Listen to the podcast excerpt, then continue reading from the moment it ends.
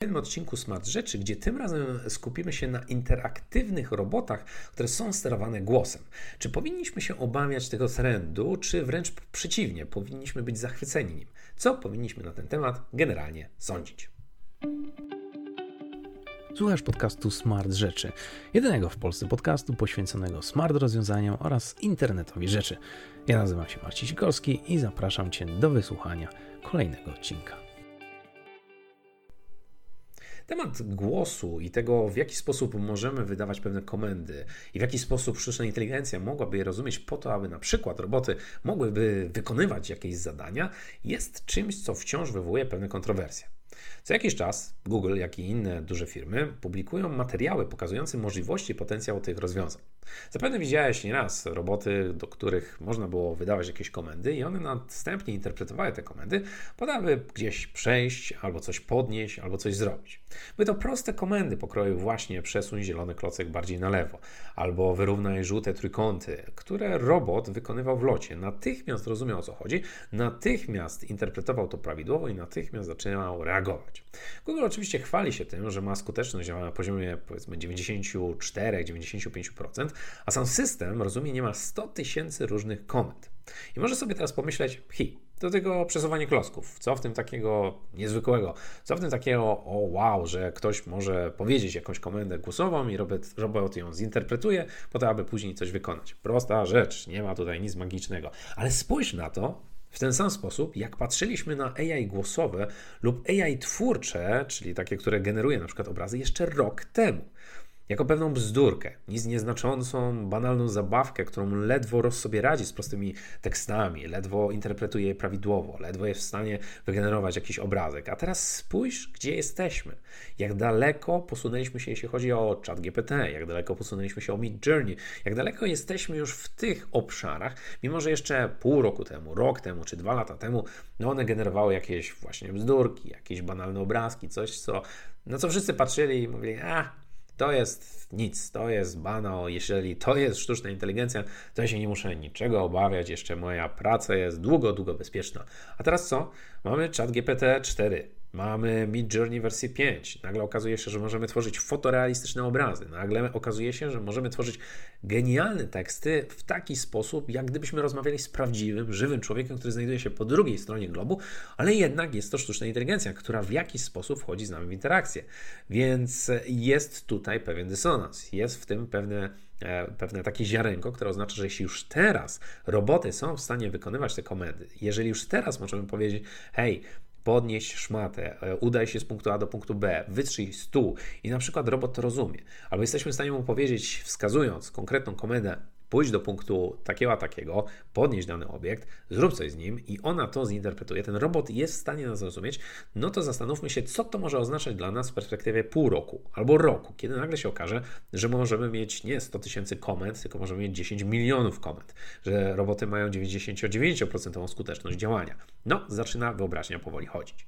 Ale zacznijmy może od pozytywów, od rzeczy, które mogą przemawiać za, że te technologie nie są takie złe. Po pierwsze, gigantyczna opłacalność opłacalność. Popatrzmy. Robot nie dość, że się nie męczy, nie może działać w powtarzalnym cyklu, to od teraz komunikacja staje się coraz prostsza i łatwiejsza. Wystarczy, że wydamy jakąś komendę, jakieś polecenie do tego robota i robot nas zrozumie. Nie musisz nic spisać, nie musisz nic wyklikiwać, nie musisz nic machać, nie musisz robić nic prócz ten interfejs, który posiadasz, czyli Twój głos, którym wydajesz komendy, jak gdybyś wydał tę komendę swojemu dziecku albo wydał taką komendę innemu człowiekowi taki robot będzie w stanie Cię zrozumieć. Taki robot będzie w stanie wykonać Twoje polecenie i zrobić to, do, co do tego mówisz, jaką tutaj masz dyspozycję. Po drugie, ewidentna szybkość. AI rozumiejące mowę oznacza, że jeszcze szybciej można adaptować się do naszych poleceń oraz zmieniającego środowiska. Sterowanie może być frajdą. Znów, wyobraź sobie, że masz robota, który jest dla ciebie w jakiś sposób no, straszny, albo duży, albo w jakiś sposób przeraża cię W dawnych, czy właściwie obecnych czasach musiałbyś napisać jakąś komendę, musiałbyś coś wyklikać, musiałbyś go w jakiś określony sposób tutaj zaprogramować, przynajmniej na tym wczesnym etapie, na zasadzie, ok, jeśli to jest świeżo co wypakowany robot i muszę z nim w jakąś interakcję wejść, to muszę mieć przeszkolenie, muszę wiedzieć, jaki to jest język, muszę wiedzieć, jaki to jest sposób działania, muszę wiedzieć wszystkie rzeczy, które są niezbędne, aby móc w ogóle skorzystać z tego robotu. A nagle się okaże, że będziesz mógł do niego mówić on będzie cię rozumiał, będzie wiedział, co ty do, tego, do niego mówisz, będzie to interpretował prawidłowo, będzie generalnie wykonywać Twoje polecenia. No i kolejna zaleta, czy kolejny plus to prostota użycia. Żadnego oprogramowania nic. Potrafisz mówić, to oznacza, że potrafisz kontrolować robota. To jest to samo, co mieliśmy i nadal mamy na przykład w telefonach komórkowych. Mówi się, że aplikacje są tak banalne, że możesz dać je małpie i ona będzie w stanie wykonać tam konkretne polecenie albo używać ich. I rzeczywiście są filmiki, na których małpa bierze telefon i przegląda Instagram. Czy to oznacza, że małpa jest genialna? Nie. To oznacza, że a, interfejsy są ekstremalnie proste, także możesz dać nawet małpie, ona jest w stanie ich używać jest w stanie użyć telefonu, Instagrama i no, będzie wiedziała, co tam zrobić, żeby otworzyć sobie obrazek. A po drugie, są tak dobrze zaprogramowane, tak szybkie i tak wydajne, że wiedzą też niejako, co ty do nich mówisz, co ty chcesz osiągnąć. No i tak samo może być z robotami. Kiedy ta pula słów, komend powiększy się, no to siłą rzeczy będzie łatwiej można z nimi wchodzić w interakcję i dużo łatwiej będzie wykonywać tutaj konkretne zadania, czy konkretne dyspozycje, po to, aby taki robot Ciebie zrozumiał, taki robot był w stanie zrobić to, co do niego mówisz. No ale oczywiście takie funkcje głosowe, czy takie mówienie ma pewne wady. Po pierwsze, co jeśli mnie nie zrozumie? Meandry językowe, a już zwłaszcza kulturowe oraz problem z dykcją, który możemy mieć, mogą prowadzić do problemu z komunikacją. Jakich komend w ogóle mogę używać? Czy są jakieś komendy zakazane? Czy są jakieś komendy, które może się okazać, że system źle zinterpretuje albo nieprawidłowo? Pójdźmy o parę lat naprzód i załóżmy, że system ma bardzo wysoką skuteczność działania, ale co jeśli na przykład się jąkamy, albo co jeśli okaże się, że powiedzieliśmy coś i nagle chcemy to wycofać i powiedzieć to inaczej, albo chcemy dwie komendy jednocześnie, albo na przykład w połowie wypowiedzi się w jakiś sposób tutaj przejęzyczymy. To wszystko trzeba wziąć pod uwagę. I ja wiem, że systemy stają się coraz bardziej wydajne, coraz lepsze i skuteczniejsze, ale nadal może być w nas taka myśl, kurczę, jeśli wydam jakąś komendę, która jest nieprawidłowa i system zrobi coś, co jest nie w myśl tego, co ja chciałem osiągnąć, albo nagle okaże się, że te, te różnice kulturowe są na tyle duże, że coś, co jest akceptowalne w jednej kulturze i jedno z haseł, które powinno być akceptowalne w danym, powiedzmy, grupie społecznej, już nie jest takie w drugiej grupie społecznej i zaczyna się robić problem. Czy mogę go użyć, czy w ogóle przyjdzie mi do głowy użycie takiego polecenia. Po drugie, co jeśli wystąpi taki dysonans poznawczy? Czy mam gwarancję, że moje zapytanie zostanie dobrze zrozumiane przez maszynę, która może fizycznie zrobić mi krzywdę? To już nie jest coś cyfrowego, to już nie jest coś, co jest ok, za ekranem, które mogę wyłączyć, które mogę przesunąć, które mogę pozbyć się go, wrzucić do wody czy cokolwiek innego zrobić. Mamy fizycznego robota z fizyczną ręką, fizycznymi nogami czy czymkolwiek innym, który fizycznie może się do nas przemieszczać albo fizycznie może coś zrobić. Więc ta, ten poziom interakcji będzie na dużo innym tak jakby etapie niż to, co mamy na zasadzie ja i telefon komórkowy, co znów może oznaczać, że ktoś powie, hmm, powoli zaczynam się obawiać, czy ja powinien w ogóle włączać taką maszynę, czy powinien w ogóle wchodzić w interakcję z takim robotem. No, nagle może się okazać, że no, to zwyczajnie może mnie przerażać i ten dysonans będzie tak duży, że ktoś nie będzie chciał z niego korzystać.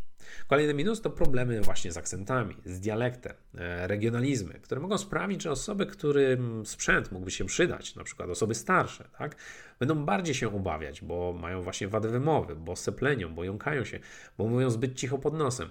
I gdyby przykładowo taki robot powstał, bo nie miejmy w wyobraźni tylko robotów, które mają zrobić coś złego, tylko może to będą roboty, które mają coś wyczyścić, albo mają coś e, na przykład przynieść, albo mają coś zrobić właśnie, co ma pomóc osobie starszej.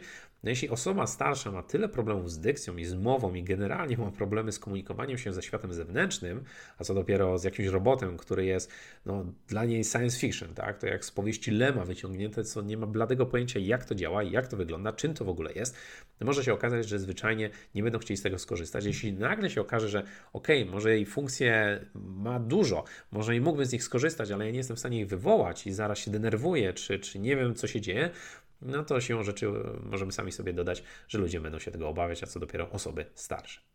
Więc co tak naprawdę sądzić o robotach sterowanych głosem? Szczerze, no, jest to coś, co nie zatrzymamy. Jest to technologia, która będzie z nami, tak samo jak razem z nami jest technologia właśnie telefonów komórkowych. I nie wiem, czy wiesz, ale jest tak, że teraz dużo więcej zapytań, na przykład do asystentów głosowych, asystenta Google'a, Siri, etc., jest wydawanych właśnie głosowo, dlatego że e, ta forma, ta jakby interakcja jest dużo wygodniejsza. Ludzie chcą z niej korzystać, ludzie chcą w ten sposób się komunikować, bo jest to zwyczajnie prostsze i szybsze niż wyklikanie czegoś, wejście gdzieś tam w opcje jedne, drugie, trzecie ukryte. Wydaje mi się, że ta interakcja jest nie do zatrzymania.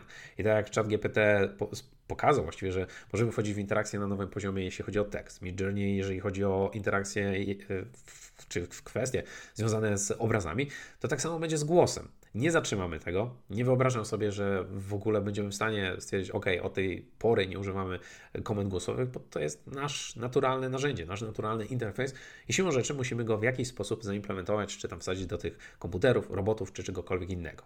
I jak z każdą inną technologią, wciąż wywołuje to pewne kontrowersje i też jeszcze jest na uboczu tych technologicznych nowinek, bo zachwycamy się zupełnie czym innym.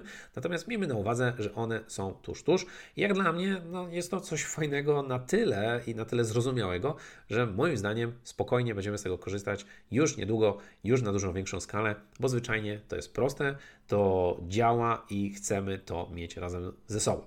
E, a jeżeli weźmiemy pod uwagę, tak jak powiedziałem, że ludzie są istotami dość leniwymi i chcemy, żeby wszystko było ekstremalnie wygodne, no to poziom interakcji, gdzie wydaje komendę jakiemuś robotowi, dronowi, czy nawet czemukolwiek innemu, jakiemuś produktowi internetowi rzeczy, który zrozumie mnie i w ten sposób wejdzie ze mną w interakcję, no czego mogę chcieć więcej, to jest coś, co jak najbardziej może być dla mnie użyteczne, przyjemne i mogę chcieć z tego korzystać więcej i więcej i więcej.